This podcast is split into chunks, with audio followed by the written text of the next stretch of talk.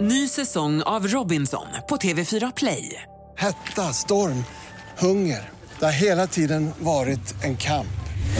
Nu är det blod och tårar. Fan händer just nu. Det. är Detta är inte okej. Robinson 2024, nu fucking kör vi!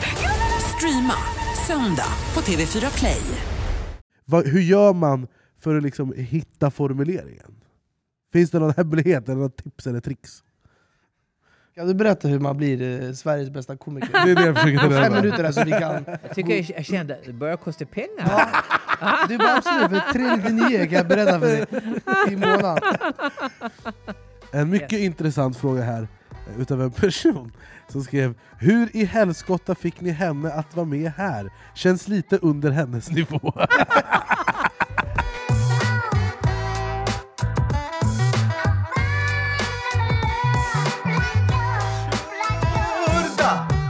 Sverige, vi har samlats för att återigen leverera Sveriges absolut enda talkshow. Då är vi igång. Mitt namn är Anis Don Omina och med mig i örat har jag min persiske vapendragare Bere Bere Behrouz Badre!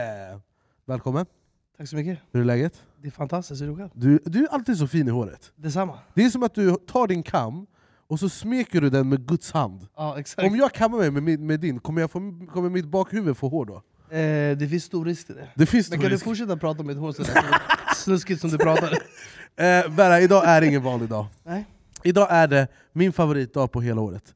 Det är den 14 februari. Alltså jag är ju kärlekens man. Det finns ingen som är kär i kärleken lika mycket som mig.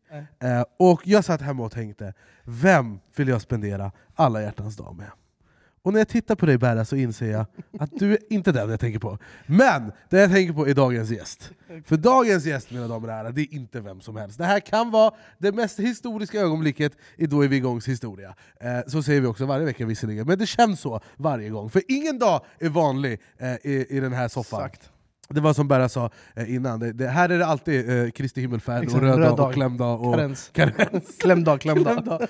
Eh, eh, vabb, vabb. Eh, Eh, För dagens gäst är inte vem som helst, för att hon har varit med i svängen, i humorbranschen, längre än vad Berra har levt. Och det kanske ni tänker, det är inte så sjukt, men Berra är jävligt gammal, och därför blir det jävligt sjukt. Eh, Och för mig som nykläckt ståuppkomiker eh, så är det här väldigt eh, speciellt, och jag är, väldigt nerv- jag är nästan lite nervös, eh, för jag ska verkligen sitta som en svamp eh, och ta in Är det som meet and greet för dig? Mitten, det här golden circle. Golden circle. Jag har styrt upp min Har egna du golden köpt första circle. parketten? Eh, mina damer och herrar, ni har sett henne i eh, det mesta skulle jag tippa på, i allt från Roast på Berns till Parlamentet till Sverige, ett av Sveriges största tv-program, Bäst i test. Hon är en av Sveriges i särklass bästa standup-komiker genom tiderna. Jag presenterar den otroliga Babben Larsson! Ba, ba, ba, ba. Välkommen, välkommen. Välkommen in, välkommen Slå dig in. ner. Här kommer en mikrofon. Åh, den rullar. Den rullar. Då rullar vi. Eh, rullar vi, eh, Kevin? Eh, bra. Eh, vi har eh, våran eh, eh, nykläckte eh, person, Kevin Jönsson. Eh, han, han börjar precis börja jobba heltid. Aha. Ehm, och han, eh, vi fick göra om introt här för att han skämde ut sig, eh, som man säger. Eh, så att han, Kastar du honom under bussen nu? Ja, Han det gör jag. jobbet. han ska minnas det. här. Det är också Kallas han, kamratuppfostran. Ja, jag, har sett, jag har sett Ondskan, Okej, vi ska gå peppis. möte i rutan Kevin. Nej, men hej Babben! Hej! Kul att se dig och kul att ha dig här. Tack så mycket. Eh, Tack. vad kul att du ville komma hit. Verkligen. Eh, och vi kan väl eh, hoppa in direkt och prata om eh, det som fick Let's Dance att byta sändningsdag, eh, Bäst i test. Eh, för att Bäst i test är tillbaka. Jajamän, 24 februari sätter vi igång. Hur känns det? Det känns bra, säsong sju, men... eh, Är det sju säsonger? Ja, det är helt galet. Oj, Du, men jag vet inte, det bara rullar på och eh, jag tycker att programmet blir toppa nästan varje år. Mm. eh, Liksom. Så att, eh, jag ska inte säga att det är den bästa säsongen någonsin, men det är fan topp tre. Ja. När du fick frågan om att leda Bäst i test, Ja. vad tänkte du då så här, nu ska vi få de största formaten att akta på sig, för här kommer Sveriges största tv Nej, nej, nej, nej, nej. Det var inte alls så. Vi fick frågan och eh, jag fick tre program från England, Taskmaster, och titta på hemma. Och eh, SVT ville testa nya nöjesformat den våren. Och då gjordes det två eller tre olika format som fick fyra program på sig att liksom försöka att eh, ja, göra något slags avtryck i historien. Och jag fick hem Taskmaster-avsnitten och satt hemma framför datorn ensam och skrattade. Så tar jag in min tibetanske bonusson, han skrattade, min dotter skrattade. Alltså alla som jag det här för tyckte det här var jävligt kul. Och jag bara kände, för att när man ser på scripted humor, när man har jobbat med humor så länge som jag, då ser du skämten komma långt i förväg. Du ser setupsen, du ser liksom, aha, nu ska de mjölka det här, det här avsnittet och så vidare.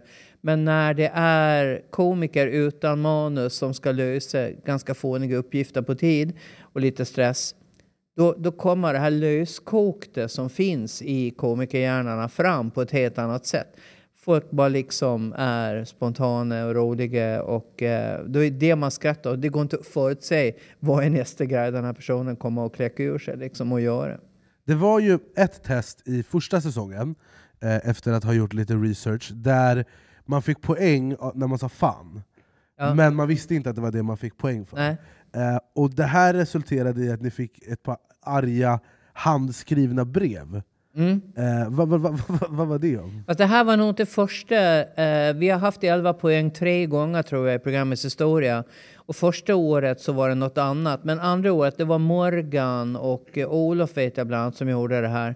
Och eh, nej men det är klart att folk blir upprörda när det svärs i tv. Om man är väldigt, väldigt eh, religiös så tycker man inte att det är lämpligt helt enkelt. Och framförallt inte att man uppmuntrar det med poäng. eh, och eh, det kan väl jag i och för sig tycka att de har en poäng i faktiskt. I år så är det ju en väldigt intressant ehm, eh, panel. Mm. Jag vet att David Sundin ringde mig eh, i höstas och berättade, och jag tyckte det var väldigt kul. Mm. Kan du inte berätta vilka det är som är med i panelen i år? Okej. Det är Marco Lehtosalo. Markoolio? Ja, Markoolio. Det är Nicky Amini, före detta Idol-juryn. Helt fantastiskt. Hon bara fnittrar sig genom hela programmet. och så underbar. Man vill bara ta hem henne och ha henne hemma liksom. Sån jävla glädjespridare. Eh, sen har vi Henrik Nyblom som är ju superanarkistisk ståuppkomiker som gärna geggar ner sig. Gärna rulla sig i lera eller hälla något kladdigt över sig. Eh, och sen är Linnea Wikblad som är försöker genomföra det med en slags värdighet. Hon är ju P3-profil och, eh, och mer gärna eh, än att man går till action först så att säga. Så de har väldigt olika gärningsmannaprofil kan man säga. Alltså Henrik Nyblom är, ser jag mest fram emot för att han är verkligen Marcus Berggren på crack. Mm. Eh, Och Marcus Berggren är inte frisk. Nej. Han är inte frisk. det, alltså, jag kommer ihåg första gången jag såg Henrik Nyblom på Brunnen, alltså köra stand-up. Mm. Eh, och jag hade kört innan honom, och jag bara och jag hade en jättebra kväll, jag bara fy fan vad grym jag är. Sen gick han upp, och jag insåg att jag är sämst. Så bra var han. Var han så bra? Ja, han är otrolig. Och han kör ju stand-up med hela sin själ. Ja, ja, oh ja, oh ja. Eh, Och han ser typ, han ser typ hemlös ut, eh, och han, så här, det första han sa det var Hej hej, jag vet, jag ser ut som Al-Qaidas bredbandsinstallatör. så. Eh, så han är hysterisk. Det ska bli väldigt kul, det ser jag fram emot. Ja. Tänkte du när, liksom, när man sätter ihop de här panelerna, hur involverad är du? Jag är inte superinvolverad. Jag, jag brukar föreslå något namn varje år. Så. Eh, förra året så föreslog jag Susie Eriksson till exempel. Och det visade sig att hon var ju helt perfekt för programmet. Och eh, i år vet jag inte riktigt om det är något av mina namn som jag har föreslagit. Men jag, däremot så är jag lite involverad så här att jag har, ja, den här är på gång och, och, och att jag liksom Ja, men ofta så, så tycker jag de är väldigt duktiga på uh, Baluba att uh, sätta ihop panelerna. De har en fingertopp för det här programmet och de gör ett jäkla bra jobb alltså. Ja. Hur, hur länge liksom brukar ni spela in en säsong? Hur lång tid tar det att spela in? Ja, David och, och teamet de håller ju på halva sommaren. Jag vet inte, Jävlar. de håller nog på en par månader tror jag. Alltså, med- jag, jag tror vi hade om det var åtta eller nio inspelningsdagar i huset, Mm. och man gör ju, alltså det är en bråkdel av alla test som kommer med. Ja, Och majoriteten av testerna kommer man ju inte ihåg. nej. Att vi, jag bara, det där har inte jag gjort. Alltså att de, de, och varje i panelen då gör ju åtta dagar själv typ. Ja. Så redan där så är vi uppe i kanske fem, sex veckor.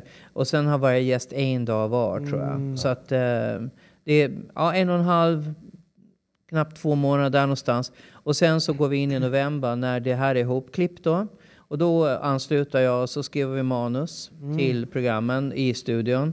Och sen spelar vi in och det brukar ta åtta, nio dagar någonting kanske och gör eh, tio program. Ja. Ofta är det att man gör, vi spelar in två program om dagen. Ja, oftast är det så. Ehm, Det var, det var fan det roligaste jag gjort tror jag.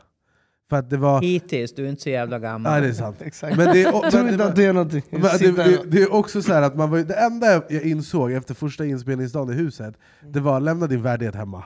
Mm. Alltså lämna din fucking värdighet hemma. Lek, gå dit och så gör det som står. Mm. Eh, står det klä av dig, då klä, alltså det, man, man ska bara skita i.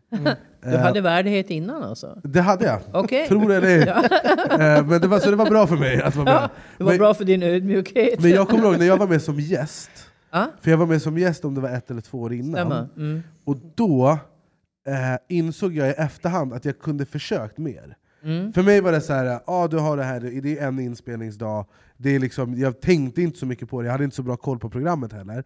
Men jag märkte efter att det blir bara bra TV om man faktiskt gör sitt bästa. Mm. Eh, och liksom anstränger sig verkligen på varje, varje, varje test. Ja. Eh, så det, det, det är bra att ha varit med innan, innan man sitter i panelen. Mm. För att när jag tog med mig det, jag var väldigt nöjd med min insats.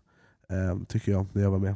Går du med kul. någon typ av hov nu och liksom ho- försöka hova in? Nej, men jag kan inte vara med igen antar jag. Nej, nej, men du var bra. Du var bra. Jag älskade det, jag tyckte det var kul. Jag har aldrig, det finns inget program, kanske Let's Dance, där det är så många som kommer fram om specifikt vissa grejer. Mm. Och bara det här var så roligt, det här var så bra, det här var så kul. Det här var...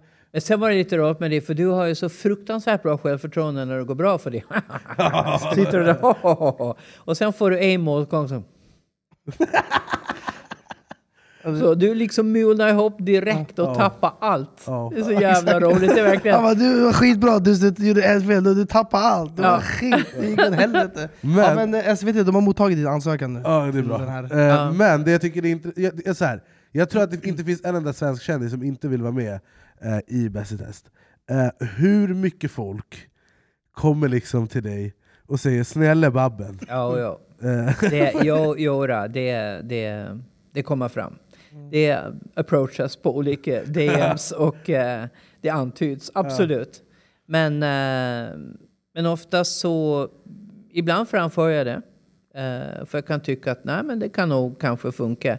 Men sen antar jag också att Baluba bollar med SVT, att det blir en bra sammansättning av namn eh, så att det liksom även funkar för dem. Då. Men sen har det visat sig att vi kan ju gärna breaka folk också som nästan ingen vet vem det är. De har inte varit med på tv innan men de gör eh, en jäkla kul, bra, rolig insats i och efter det så Men tack för att du frågar. Jag har Ja. faktiskt en lucka här i juni, juli. Och, så att jag skulle kanske kunna ställa upp nu när du ändå ställer frågan. så alltså om du behöver liksom lite mer saffran i eh, programmet. Exakt. Ja, det har varit lite dåligt med saffran. Vi har haft... har- Men Nicky är väl iranier? Nej, Jo, har, det har, har ni fyllt Ja, iranier-kvoten? iranier-kvoten är full. Välkommen igen Ja. nästa år och sök. Finns inget annat? Mest i test? Okej, ja, Ja, vi kan inte ha det varje år, utan eh, du får ju kanske stå över ett par år då. Ja. ja, har ni inte på, på det Teheran saffran, saffran Koskenkorva, yoghurt fattar. och Ja, ja, ja, någonting ja. mer i år. Eh, Finns det någon person som är så här, din drömperson eh, att ha med i panelen? Jag tycker nog att vi har haft ganska mycket drömpersoner redan. Äsch, äsch. Men, Han peggar eh, upp det en fin person. Hon har inte sett någonting. Eh, Tack så mycket. Tack. Det skulle vara jävligt roligt att se Zlatan göra Ja. bäst i test. Det hade varit kul. Men han, han hade ju liksom gjort det där till bäst i Zlatan. Hade Ja. Ja, ja, självklart. Men, men det hade ju också blivit roligt, framförallt när han misslyckas med skittester. ja, det Liksom. fan sant. Han får inte in tändsticken i asken och på Ja. tid liksom. Och, och hur han hanterar det. Men han hade Bara ändå det- fått poäng även om han inte hade klarat det. För han hade bara sett till att det blev så som han hade. Ja, exakt. Han har gått fram till David och tittat långt ner på honom. David bara... Men är det någon, grejen också, någonting som man kanske så här, alltså man fuckar ju inte med dig. Nej. Du är fan stenhård alltså. Ja. Är det så? Babben, du gillar inte med Babben. Vadå då? Vad har hänt? Eller vad gör du? Eller varför är det så? Ja, men Anes försökte hela tiden och liksom Ja. göra sig rolig och så. Ja. Och så sa han bara Fan du har fan svar på allt. Ja, Ja. men det har du fan. Ja, vad sjukt. Ja.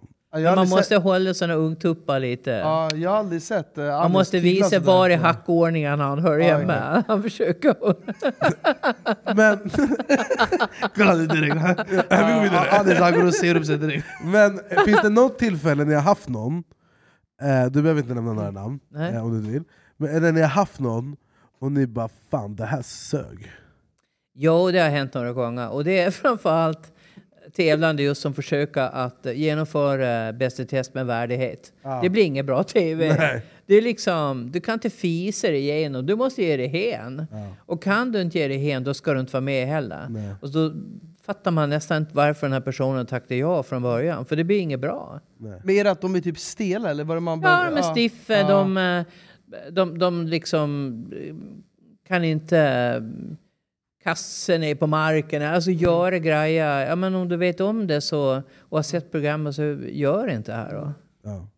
Nej, Man måste göra det med hela sin själ. Mm. Ja, faktiskt. Du måste ge det hem. Då blir det väldigt, väldigt kul. Ja. Men- Men jag måste, alltså, det här eh, Bäst i test, det är väl det största, är det, det största programmet? Ett utav absolut. Ett av Hur de många större. tittare har det, brukar vara? Det där är lite olika. Eh, vi går ju mot ett direktsänt, eller ja, inspelat direktsänt eh, program då just nu och eh, det brukar oftast dra mer tittare. Men vi, eh, om man tittar på streams och eftertittning och så, så slår vi ju de flesta kan jag säga. Men det är också, TV ändras ju nu Ja. På ett sätt som det är liksom, nu går det fort. Mm. Alltså jag tror att det var någon som sa till mig, jag quotar mig inte, men att TV, linjär TV tappade 23% förra året. Ja. Det är en fjärde, det är jävligt mycket alltså. Det är ett av de få program som ändå hävdar sig ganska väl Ja. linjärt. Liksom, eh, det, är, det är många som vill se det liksom, med familjen. Ja. Även tonåringar man inte har sett på åratal som har försvunnit in och dataspelsdimma kan komma ut och säga ah, när är det bäst i test? Liksom. Vi får tackbrev från föräldrar. Men det, jag, det är också, jag vet att de kompisar och sånt som jag har som inte hade sett Bäst i test, Mm. eh, när de såg det, då gick de tillbaka och såg alla säsonger. Mm. Och liksom, för att det är så himla briljant. Tror du att det kommer kunna gå att göra Bäst i test utan dig eller David? Det tror jag absolut att det går. Men det kommer såklart att ta tid för publiken att vänja sig vid det i sånt fall. Eh, men det är klart, all, det är ingen oersättlig. Det tror inte jag. Då tror jag David uh, framför allt då är svår att ersätta. Därför att han tillför ju content i varje ruta han är med.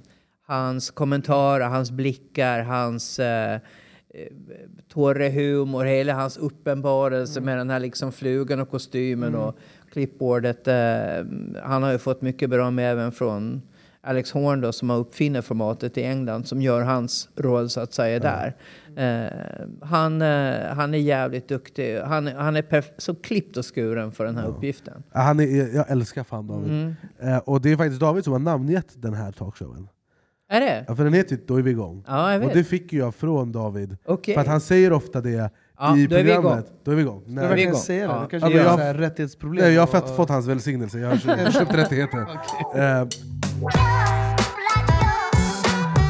I samarbete med Stodona eh, kan vi från Då är vi igång tacka för att de ser till att de håller det rent och snyggt här på kontoret så att vi kan fokusera på det vi vill göra.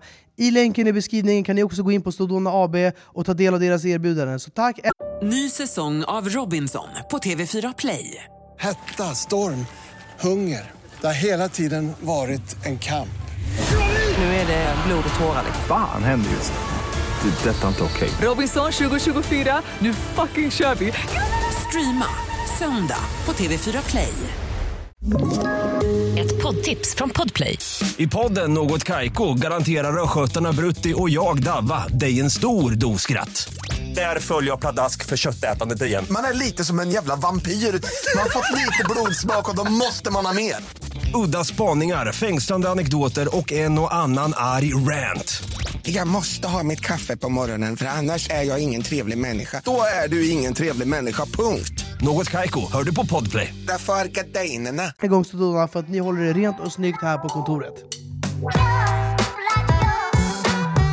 Du, eh, enligt eh, min research, började ju som med teater. Ja. Hur gick du från det till stand-up? För mig var det ganska litet kliv. Eh, jag gick ju först uh, det som idag då är Teaterhögskolan här i Stockholm. Och när jag var färdig med det så kände jag redan under utbildningen att ja, det här är en bra utbildning men det är inte det här jag brinner för. Jag brinner för musik och jag brinner för underhållning. Jag hade jobbat med kabaréer och sånt där innan. Sen började jag jobba med teater och gjorde det i åtta år. Men på somrarna, för jag jobbade fem år i Göteborg och då spelade vi mycket barnteater. Så vi hade sommarlov precis som ungarna. Och då åkte jag hem till Gotland och gjorde krogshower. Och då gjorde jag stand-up redan 83.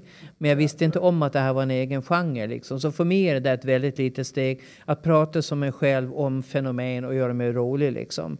Det ligger väldigt nära min person. Medan andra skådespelare blir bara så nej, nej, nej, inte stand-up liksom. För de vill vara i en roll. De, de, är, de är komiker och komedienner, men de är inte ståuppkomiker. Och för dem är det ett jättekliv att bara stå utan roll, utan kläder, utan manus och eh, liksom prata direkt till folk. Det, det är deras största skräck. Men jag hade längtat efter det när jag spelade teater. Jag vill prata med folk. Jag vill, jag vill liksom... Var du aldrig nervös när du skulle gå ut på scen? Ja, men du är skitnervös, men det får man ju skit i. Jag menar, vill man göra någonting så gör man ju det. Mm. Så att eh, man har alltid diarré i början liksom. Eh, på Norra Brunn hade jag diarré första tio åren tror Det är jag. sant. Ja, men det hör till. Hur klarar man av liksom sin eh, hälsa om man har den problematiken? är I mitt fall var det bara bra att jag hade lite diarré då. Det hjälpte mig att hålla vikten. Exakt. Jag tror folk fattar inte Alltså, hur, alltså antingen så fattar man och bara säger jag kommer aldrig göra det där, det måste vara det Nej. värsta. Eller så har de ingen respekt för det alls. Nej, nej, så kan det ju också vara. Men jag menar, när de, när de importerade då, så att säga, stand-up eh, 88 och så började de skriva om det i kvällstidningarna. Då bodde jag uppe i Gävle och jobbade med teater och kände att jag måste snart sluta och jobba med teater. Jag är färdig med det liksom. Och då, kom, då läste de den här nya genren då så tänkte jag fan det där har jag i princip gjort.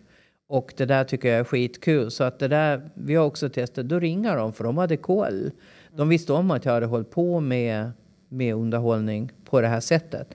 Och eh, sa, vill du testa liksom ren standup på en klubb? Så det var så det började. November 88. Men jag måste fråga, när du körde din första gig, liksom, satt du liksom och skrev upp skämt eller tänkte du bara så här, jag hade du någon, någonting att Jag, utgå t- jag hade stand-up med mig från mina de här, jag gjorde fyra shower på Gutekällaren fyra år i rad. Så jag hade lite grejer med mig därifrån. Sen skrev jag en ny grej som jag bombade med. Men det gick tillräckligt bra. Eh, jag, jag, jag körde, jag fick uh, avsluta lite tidigare för jag märkte att det här nya materialet måste jag hem och jobba med. Det andra hade jag ju testat redan. Och, eh, och i recensionen står det, i mina ögon så avslutar den här komikern i förtid och det var helt rätt. Men det gick tillräckligt bra för att jag skulle känna om jag jobbar riktigt hårt, om jag går in för det här, om jag eh, liksom skriver om, eh, trimmar, testar igen, då kan det här bli min grej. Det kände jag faktiskt första giget. Och när kom det här erkända telefonsexskämtet? När det kom, det Ja. kom väl 90 tror jag skrev det. Det kom bara typ två år efter. Var, var det, hade du det i Släng dig i brunnen? Ja, det var mitt genombrottsskämt kan man säga. Ja. Så första säsongen som Slängde brunnen gick så, och jag var med eh, i ett av de första programmen så var det skämtet med och sen var det klart. Liksom. Går det att dra det nu? Kan du berätta lite om det där skämtet? Skämtet i sig eh, bygger väl egentligen på lite äldre teknik. eh, men, men skämtet i sig, det, jag berättar att jag har en pojkvän och att vi bor inte ihop. Eh, vilket var sant då. Och, eh, så det mycket telefonsex. Och att eh, samtidigt tycker jag det är jobbigt för jag fattar inte riktigt vitsen på tele, med telefonsex. För att när man väl har stoppat in luren så hör man inte längre vad den andra säger.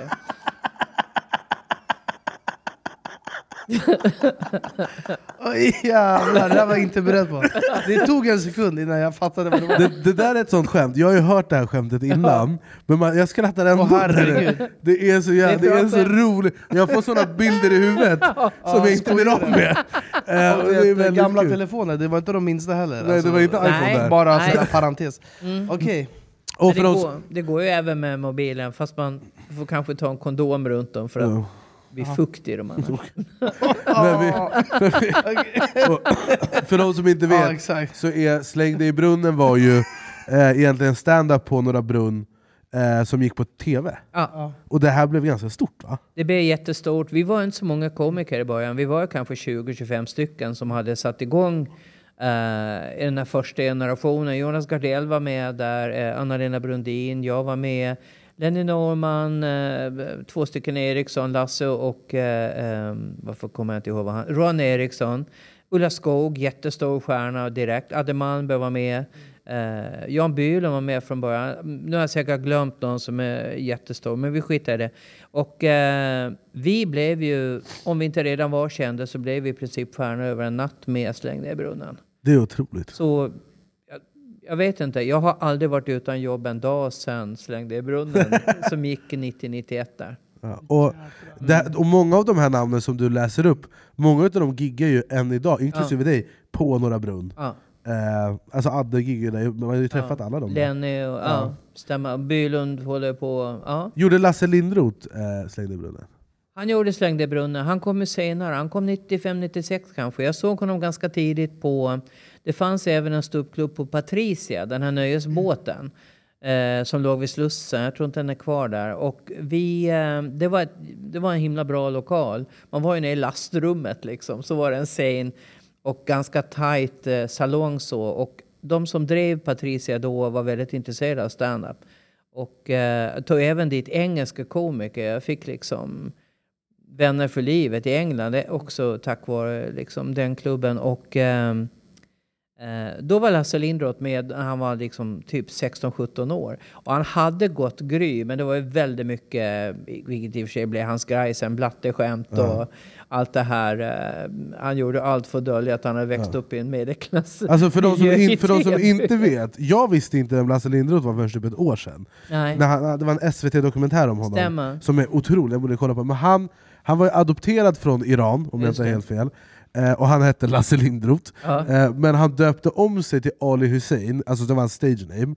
Och han var typ den första att dra de här svartskalleskämten. Men jag minns för att det fanns en serie på typ SVT som jag kollade på när jag var rätt ung, jag vet inte om den hette typ såhär Sjukan sjukan, någonting sånt där hette den. Där var han med, stämmer bra. Han var någon typ av städare Ja, eller ja, nå- någonting sånt där. Någon sjukvårdsbiträde. ja, någonting. sånt där. Ja, stämmer. Ja, han var med där. Där, den serien var ju jävligt rolig. Ja. Och det var de här uh, andra legenderna, jag kommer inte ihåg vad de heter, som var med, som var då patienter. Ja, och... Eh, som var patienter på det ja. här sjukhuset. Så att, eh, jag kommer ihåg att man brukade kolla på det när man var ung. Mm. Sen, jag vet inte om han gick, ut, gick bort i en bilolycka. Han gick bort i en, Han gick bort ja. i en bilolycka. Han var tyvärr eh, en ganska vårdslös bilförare och eh, gjorde en dum omkörning i en, eh, i en kurva vid en bergvägg och frontade med ett ganska stort fordon. Oj. Och han var väl typ också st- han var väl typ störst? Ja, han blev väldigt stor väldigt snabbt. Mm. Så han eh, turnerade. Han var ju det i Norge då och var väldigt stor där också, nästan ännu större. Så eh, han, han gjorde kometkarriär verkligen. Mm. Och sen... Och han var ett väldigt bra tillskott därför att de här första 25 som skramlade runt och, och det var klubbar överallt och vi hade hur mycket som helst att göra.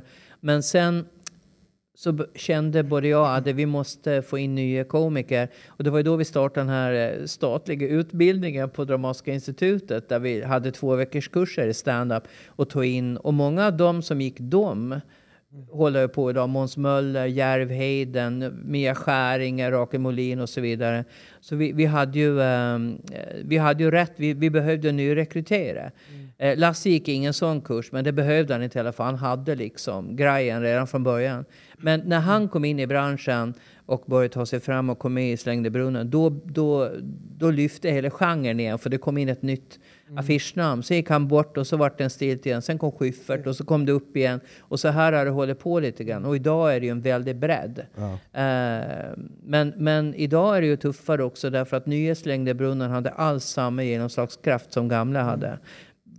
Som du säger, folk tittar inte på linjär tv på samma sätt. Och ehm, det, det är också...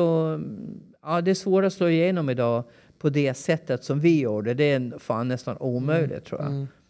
Om du inte gör då som, som eh, Björn som är mellanakt i Mello eller någonting och gör supersuccé.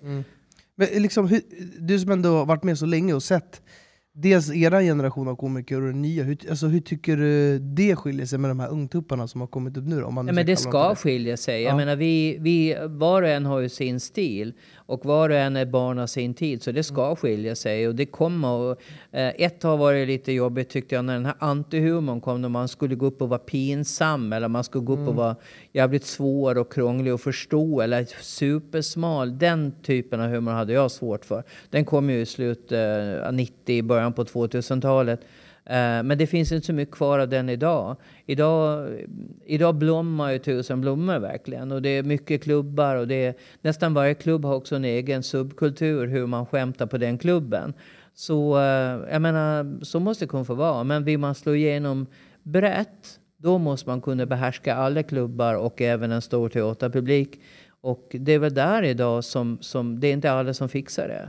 Några gör det absolut, men eh, många fastnar i klubbträsket och är lite trygga där och hamnar i en komfortzon som de har svårt att ta sig ur sen. Det här är intressant, för jag tänkte på det, för jag, jag är mitt i att skriva en ny föreställning som vi ska åka med i maj. Och, så jag giggar väldigt mycket nu på både Raw, Brunnen, Mafia, eh, Big Ben, överallt. Men håller du med min analys eller? Ja, tycker jag. Men jag vet ju inte vad jag håller på med heller, vi har hållit på ett år. Eh, Så jag svingar fortfarande i mörkret. Men jag tänkte på en grej, för det var massa komiker jag körde med på ett ställe, de har dragit samma skämt sen jag var där och såg dem första gången för ett år sedan. Mm.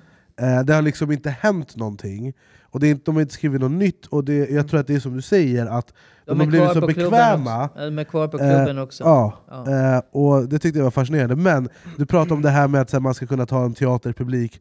Eh, Berre har ju tagit en teaterpublik en gång, Aha. eller ganska många gånger. För vi, Spontant. för att vi var, vi, jag var på en turné med min förra föreställning, då hade jag hållit på med standup ett halvår. Och så sålde vi ut en turné efter sex månader, det var, Okej. det var idiotiskt. Men väldigt kul. Ja. Och så hade vi sålt ut eh, i Göteborg, Stora Teatern.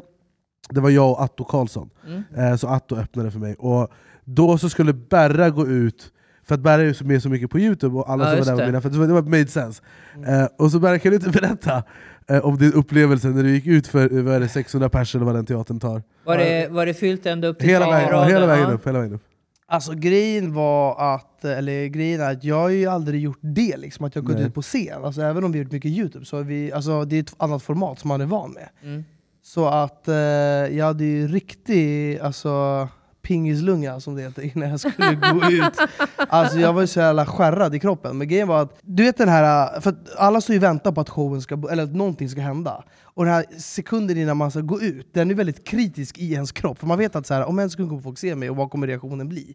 Så jag var också väldigt nervös, för jag hade några grejer jag skulle säga som jag bara så här, okay, jag ska Alltså jag hade gett han här. en monolog, en minut. Ja, exakt. Jag bara, bara säg det här, och bara det här. Och sväva inte iväg, Nej, och säg något, säg det här bara. Ja. Eh, och det var lite svårt för honom att hålla sig till. Ja, men Ja. man blir så här tagen av allting. Däremot det, det, det som var jävligt nice var att sekunden jag gick ut och de såg mig, då var det liksom ändå så här folk eh, började blev glada. jubla och skrika, Ja. och så här, för de blev ju glada, och då var jag ännu mer så här.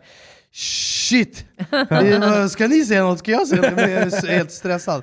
Men alltså för att ändå typ så här, och vi bestämde ju typ det här på vägen ner i turnébussen, att så här, ska jag gå ut, ska jag inte gå ut? Alltså, så att eh, med omständigheterna så gick det väl bra, men det var ju, jag, hade ju, alltså jag var ju fi, Jag kommer ihåg att min så vad började typ så här, eh, vad heter det?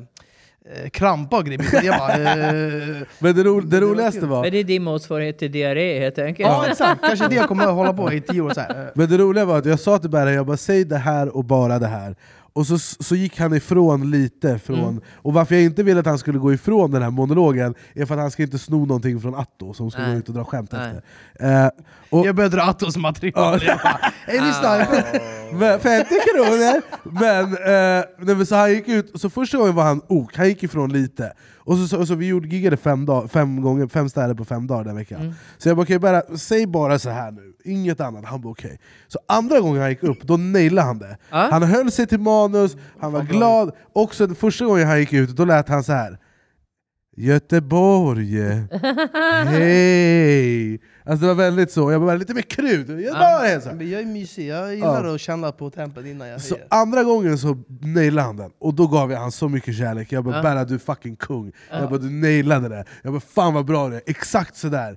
Dag tre, han ballade ur helt och hållet. Men då kände jag mig färdig. Då, då kände jag nu är det min tid. Hade han, hade han hybris? Ja, han, bara, han gick Ja. ut och sa, han bara, vi som är komiker, sa han. han, Nej, nej, skulle, nej, nej. Jag sa vi som håller på med underhållning. ja, han, han skulle säga att, så här, att eh, om, man, om, om, man, om desto mer kärlek de ger komikerna, desto mer kärlek. Det här vanliga. Ja. Ny säsong av Robinson på TV4 Play. Hetta, storm, hunger. Det har hela tiden varit en kamp. Nu är det blod och tårar. liksom. Fan händer just nu. Det. är Detta är inte okej. Robinson 2024, nu fucking kör vi! Streama söndag på TV4 Play. Ett poddtips från Podplay. I fallen jag aldrig glömmer djupdyker Hasse Aro i arbetet bakom några av Sveriges mest uppseendeväckande brottsutredningar. Går vi in med hemlig telefonavlyssning och, och då upplever vi att vi får en total förändring av hans beteende. Vad är det som händer nu? Vem är det som läcker? Och så säger han att jag är kriminell, jag har varit kriminell i hela mitt liv men att mörda ett barn, där går min gräns. Nya säsongen av Fallen jag aldrig glömmer på Podplay. surret. Eh, och Berra gick ut och bara Vi som håller på med det här, vi har hål i vårt bröst och vi måste fylla det. Alltså han ballade ur helt och hållet. Men det var väldigt roligt. Men tack för den här roasten, Eh, det var trevligt. Men du kan ju avsluta med hur det gick sen i Helsingborg, det var ju sista giget. Berätta du, jag minns inte. Nej men sluta! Du var Nej men du var briljant. Ja, men du är väldigt rolig. Tack så mycket, nästa fråga. Jag tror du hade klarat standup ganska Nej, bra. men, alltså, det, alltså, för mig det var en kul grej, och sen är det så här. Har du gjort det första gången, och så är andra dagen, andra gången och tredje dagen, alltså, det är ju ganska ojämnt. Och sen var det, Ja. så här, det var ganska stor skillnad också på de här ställena. Men eh, jag kände så här, fan det är nice ändå att testa lite, men man märker ju också att här, när man är orutinerad som jag är, så kan man ju hamna i en jävla jobbig sits där man inte vet hur man ska ta Det sig är ganska tillbaka. vanligt också när man är orutinerad att man svamlar Ja. ut och att man gör inte det man har bestämt för man blir så jävla överväldigad av situationen. Exakt. Så hur, och, och, och jag har haft jag har varit mentor åt en del komiker som just har problem med att sätta sin inledning. Man har bestämt, man har spikat, de har hela första minuten, två minuterna spikade. Så går de ut och så börjar de på något helt annat och så tappar de det. De lyckas inte göra sig begripliga. Vad är det här för en komiker? Vad, vad är humorn? Och, eh, och så är det bara att börja om från början. Och till slut får man ge upp. Andra liksom så småningom börjar få kontroll över men, men vissa får inte det. Och kan man inte förklara vem man är för publiken och vilken nivå man skämtar på och vad, vad man har för humor första minuten, då kommer det inte att gå. Det, de tappar förtroende för jag fattar inte vem du är, jag kommer att skratta åt dig. Men vad har du för tips liksom så här, för de som typ gör de här grejerna? Alltså, finns det något så här, det här är bra liksom, ryggrad att utgå ifrån om man ska hålla på med stand-up? finns egentligen inga regler, men jag tycker, är du helt ny och ingen vet vem du är, det viktigaste är att du får ett skratt inom en halv minut. Ja. Och gärna ett skratt som berättar någonting om vem du är och vilken typ av humor du har. Och gärna om du är helt okänd och kanske behöver gå ut lite löst sådär, att det är lite grann på din egen bekostnad. Det är alltid tacksamt i början. Att man inte försöker gå ut och vara hög status fast man är helt ny, för liksom det kommer inte hålla i längden. Förmodligen. Utan det är bra att det är lite sådär själv... Självironiskt helt enkelt. självdistans. Ja, att, en, att man visar att man har distans till sig själv. Det är alltid jävligt befriande för publiken. Så att det inte är någon som direkt bara du ser ut sådär och du är dön av och ha vad vad fan. Alltså, och gå på med aggressivitet liksom för att man själv kanske är nervös eller vill dölja liksom att man är ny. Jag kommer ihåg när jag gjorde research innan jag skulle köra standup första gången, då var jag på Big Ben, det var något så alla kunde gigga typ. Ja. Och då var det en kille som gick upp och han var så nervös, och det var då jag insåg hur viktigt det här första skämtet och första skrattet är. Mm. För han gick upp och han, han, han var så här, alltså man såg att han var rädd. Och det på ett ställe som Big Ben är ju livsfarligt, för de Mm. kommer äta upp till Ja, levande. men problemet också, att folk känner ju av det och då blir typ alla Ja. stressade. Jag. Jag har alltid haft fördelen att jag är van stå på scen och har gjort det hela livet. Men Så vad, hände då? Ja, Hade han gick ett upp- bra första skämt? Nej. Nej. Han gick upp och så sa han något och det var så jävla tråkigt. Och han kunde liksom inte eh, ta sig tillbaka efter det. Nej. Utan han- där var han fast. Och det spelar ingen roll hur bra skämt han hade efter. Han hade behövt ett mirakel för att vinna deras förtroende. Fast samtidigt tycker jag så här. Har du bra skämt så kan du gärna darra och, och, och liksom vara skakig och, och visa att du är nervös. För att alla fattar varför du är nervös. Alla förstår. Okej, du är rookie, det här är skitjobbigt. Men du är där i alla fall. Och har du då bra skämt, då kommer publiken att börja stötta dig. Även Big Ben tror jag. Ja.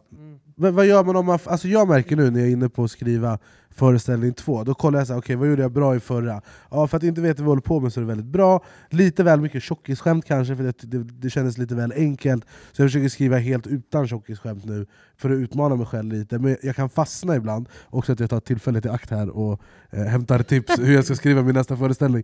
Kanske är Eh, bättre om du mailar bara eh, med tillfälle- kan- Eller, så, så eller kan de fakturera in mig efter. Hyr in mig som manuskonsult och regissör. Kanske gå den här kursen som hon erbjuder. Ja, exakt. This Men- guns for fire. Men jag blir så här, ibland kan jag fastna. För att jag, det känns, ibland känns det som att jag så här, sen kanske det är bara min hjärna som bråkar med mig, men att jag bara, jag har slut på historia nu. Mm. Det är som att jag brände allting det första varvet. Och så här, ah, vad fan ska jag prata om nu då? Du vet Anis, du har inte levt så länge. Du måste ju hinna vara med om saker också. Jag, jag, jag tror att jag har varit med om ganska mycket. Ja men då så, då får du berätta om det. Ja, men när det är slut då? Du måste uppleva mer. Okej, Okej, okej, men då, då har jag en fråga så här. Säg att jag har någonting Ja. som jag bara så här, det finns ett skämt här. Ja. Jag tror att det här är kul. Mm. Vad- hur gör man för att liksom hitta formuleringen? Finns det någon hemlighet, eller något tips eller tricks? Kan du berätta hur man blir eh, Sveriges bästa komiker? Det är det jag försöker Fem minuter där så vi kan... Jag, tycker jag, jag kände att det börjar kosta pengar. Du bara absolut, för 399 kan jag berätta för dig i månaden. Nej, alltså det är klart det finns eh, tips och tricks, men eh, gå en kurs eller hyr in dig. Hon bara, du kan fakturera Hon ditt bara, du, hon bara, jag kan gå och dra de här, säg bara vad du vill säga så går jag på scenen. Hon bara, jag kan ge dig mitt bankgironummer. du sitter 34 års erfarenheter av standup, så att om det är något så... eh, Men då, jag, måste kan- bara, jag måste bara fråga dig, för att du är Ja. ju jävligt rörd. Det är några grejer jag undrar över. För det första, hur, hur mår svensk standup just nu? Eh, svensk standup just nu mår väldigt bra. Den är väldigt aktiv, den finns över hela landet i princip. Och eh, det är många klubbar, det är mycket komiker. Eh, så att den mår bra. Basen finns och det är det viktiga. Sen hur många som tar sig fram ända upp i eliten och blir topp 10, det, det är liksom det, det är lite dagsform och, och lite hur hårt folk jobbar. För det är som du säger, de här som står på en klubb och du kommer tillbaka efter ett år och de kör samma skämt. De är kvar på klubben. Ja. Det säger någonting. De kommer inte därifrån därför att de orkar inte göra jobbet. Nej. Eh, De Jag tror många är sin- rädda också. Ja, men de sitter i sin komfortzon och eh, ja, men som du säger, ja, men jag hade tjockisskämt, det känns safe liksom. Men ibland måste du plocka in fler eh, ämnen helt enkelt och, och, och leta med. Vad, det, vad har jag mer varit med om? Vad har jag med i mitt liv som jag kan göra skämt av och våga testa det? Ja. Och inte bara ligga i den här komfortzonen och ha sin, sin 10, sin, sin 20 liksom, Ja. som funkar och så gör man inget mer. Man skiter i att liksom utveckla sig. Det är klart, då kommer du ingen vart. Det går inte. Det Hur är- bra 20 än är. Ja. Och det finns komiker i England som turnerar med samma 20 år ut och år in. Så det är inget fenomen specifikt för här. Men det är så jävla läskigt att testa nya skämt. Det finns fan inget som skrämmer mig mer än att bara så här, jag tror att det här är roligt. Jag gjorde det en gång. Ja. Jag, det jag, ång- jag ångrade det, så- jag, det var jag och David Batra. Det var hemskt. Men det var för att jag låg efter i att skriva klart den turné vi skulle ut med. Vi hade sålt biljetter redan. Jag hade Ja. typ, jag, det var, så här, det var tio, fem, mellan fem och tio minuter typ, som jag behövde fylla. Så jag hade en kväll, jag hade bara nytt och inget flög. Allt var skräp. Alltså, då kom jag, jag, jag gick med liksom huvudet, tittade ner i backen, och David Batra kollade på mig med en blick som var så här: det är okej. Men alltså, han såg min ångest. Vad är det bästa giget då? Finns det något som är så här, det här, det är det fetaste? Premiären av Vad hände showen 2012 räknar jag nog ett av mina topp tre i alla fall. Då hade jag ju gjort en genomskriven show med ett tema eh, som jag, jag var väldigt nöjd med materialet. Adde hade regisserat den. Det var, jag hade musiker med mig.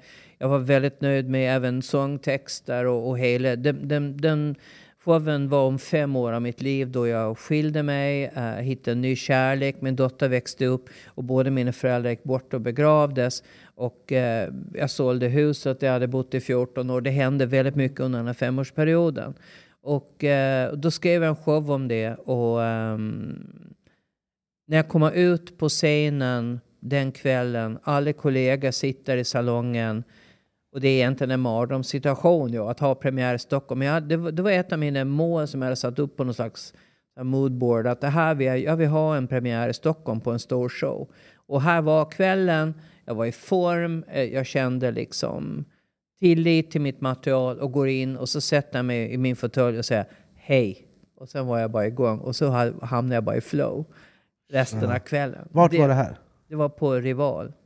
Och det var så jävla roligt för att liksom efteråt så var det lite eftersittning uppe på Rival då. Och då var det ju kollegor som stod i trappen för att försäkra sig om att det var de första som berättade för mig att det här är ett riktigt mästerverk. Eh, För när du berättar ändå om det, jag, får ändå en bild av så här, man är den här äh, stjärnan på scen, och man, typ som du när du gör- den här kvällen, det måste ändå ge dig så många kickar. Men liksom, blir inte det också ett, liksom, ett jagande livet, att man liksom får de här kickarna, sen så släcks lamporna, och Alltså, vad, vad är blir man då? Vad är man då? Jag blir liksom? alltid tom efter stora grejer. Jo, Ja, men det liksom, här, hur det, här fick jag, ju- det? här fick jag jobba med när jag brände ut mig på slutet av 90-talet. Att jag hade ju för dålig självkänsla så jag behövde de här kickarna hela tiden. Så jag bara jobbade och jobbade och jobbade för att fylla på självförtroendet. För så länge man är i ett bra självförtroende så funkar det.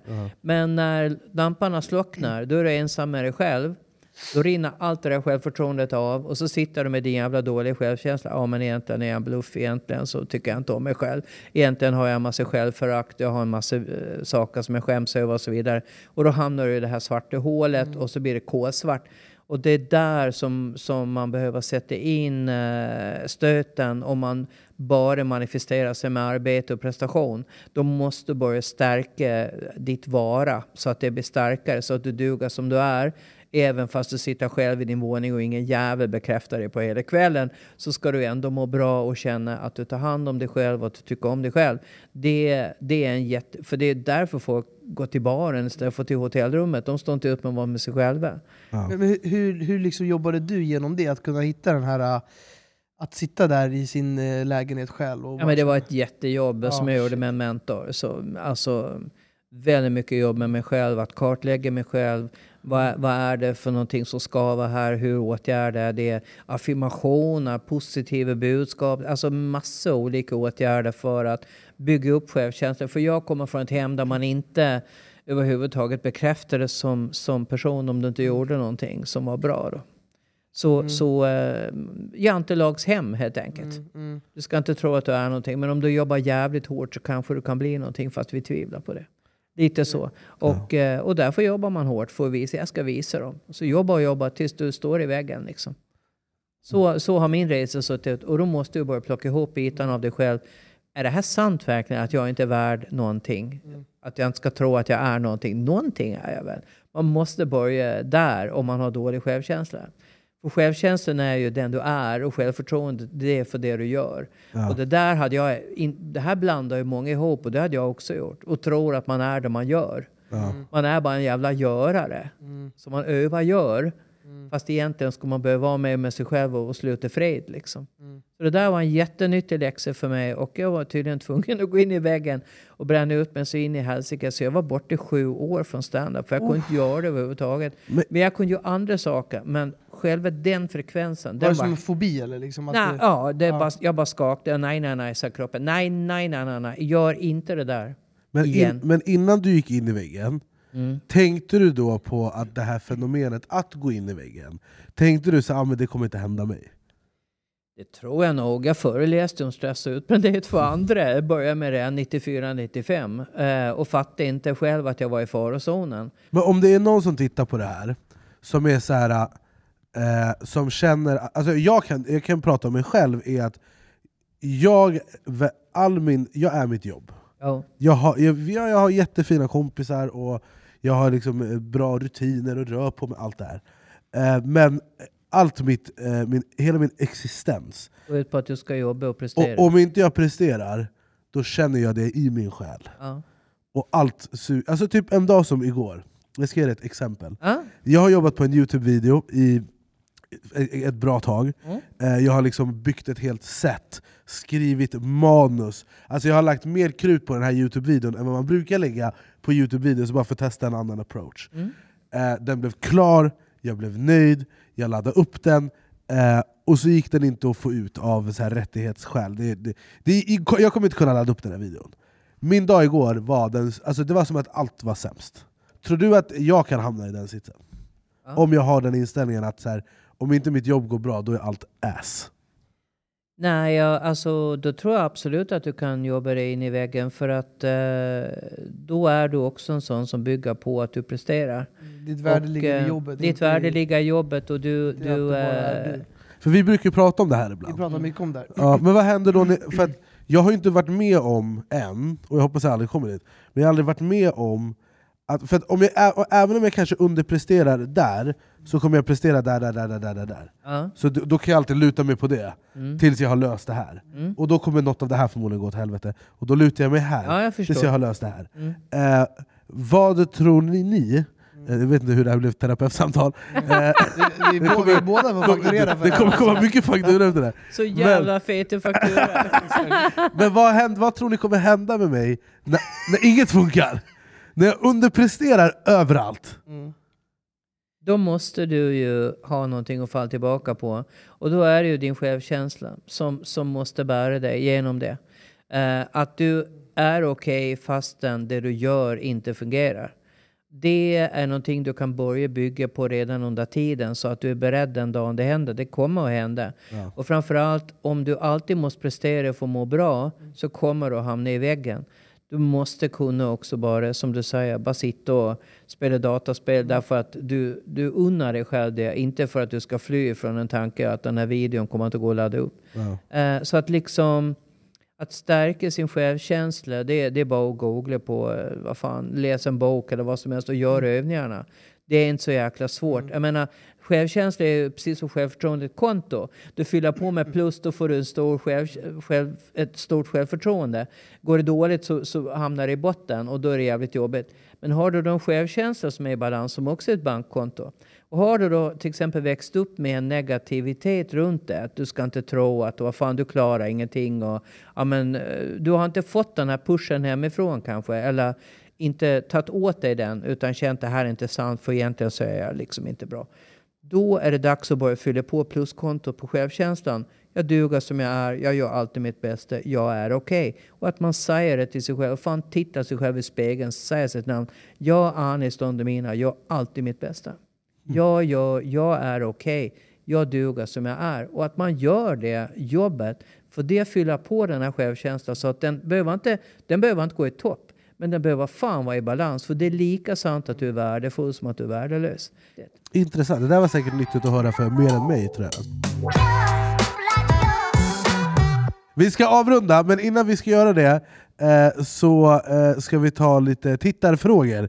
Eh, för jag, Okej. ba, jag bad folk ställa lite frågor på Instagram, eh, och eh, vi kan väl eh, ställa dem till dig. Tove undrar, hur uppstod smeknamnet Babben? Det uppstod på högstadiet när jag hamnade i en ny klass och nästan alla hade smeknamn och jag blev Babben. Från Barbro. Från Barbro. Och du Yes. vet att Babbe är eh, en... Det vet jag. Det är definitionen av oss. Ja, Vi är de riktiga men ba- babbarna här, du Men vet? Babben och Babben, det är två olika saker. Hon Jag, bara, jag ni, är ingen sån här eh, wannabe bab Babbe, utan jag, jag är Babben. Det är liksom... Det, Jag försöker inte I vara i orten. kan man säga så. Ja. Babben och Babbarna. Ja. En mycket Yes. intressant fråga här, eh, utav en person som skrev Hur i helskotta fick ni henne att vara med här? Känns lite under hennes nivå. Det är det. Hur fan Eh, tänkte du här ja, Babben? Vi det har är- signat upp oss på massa kurser och grejer. Vi, vi, vi ska vidare efter det här. Lära känna kurser, schema. ja. Det är under min nivå, självklart. Eh, Men eh, så här är det, jag gör vad fan jag vill. Det här lät kul, jag gillar dig, vi har ju jobb ihop. Vad fan, varför inte? Jag, ibland när jag har tid, då tycker jag det är ganska kul att vara med på det. Det är kul att sitta och, och vara lite snill och spekulera i något ämne som... som eh, och och just idag så pratar vi om någonting som jag i alla fall vet lite om, så, just med stand-up. Och eh, även mental hälsa och självkänsla och sånt där. Så att, eh, ja men, jag tycker, jag tycker det är kul. Det här är en väldigt intressant fråga. Pratar hon gotländska i sitt yrke och stockholmska till vardags? Det finns ett rykte om det. Ja, det gör jag. Det stämmer. Jag är tvåspråkig och eh, jag pratar ju hur fan jag vill. Eh, men det här är ju vissa poddar som har gjort en grej av att, att jag är tvåspråkig. Men det har jag gemensamt med nästan alla skådespelare som kommer inte ifrån till exempel Stockholm eller Mälarregionen. De har fått lära sig en dialekt till, så är det ju. Kan, Så, du, kan du dra någonting på gotländska som är svårt att säga? Och de pratar ju gotländska Ja, men kan, du- det finns ju vissa gotländska uttryck. Juglaugo. Vad sa du? Juglaugo. Juglaaglu. Och jag har en inne i Astuens koile. En bara och en bok. Nej, han var kul Men det svart. blir Den andra jojk. var mörkare.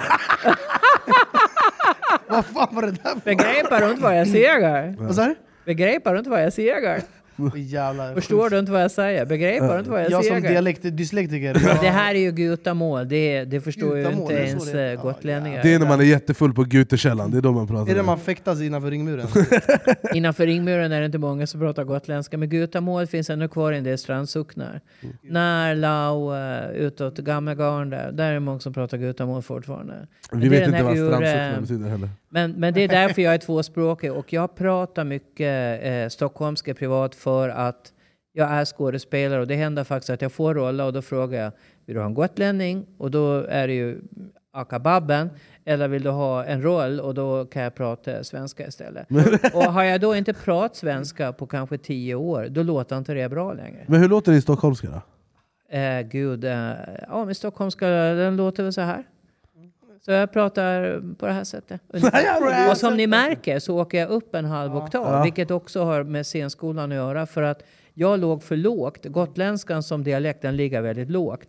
Så att jag grävde ner min röst för lågt. Så att när jag byter till eh, svenska så åker jag upp en halv oktav. Men på den goda tonen kommer vi avsluta Ja. ett otroligt spännande avsnitt utav Sveriges enda talkshow. Då är vi igång. Tack så mycket Berra, tack så mycket Babben. Eh, och eh, vi är tillbaka igen nästa vecka och då kommer eh, Annika hit om jag inte har helt fel.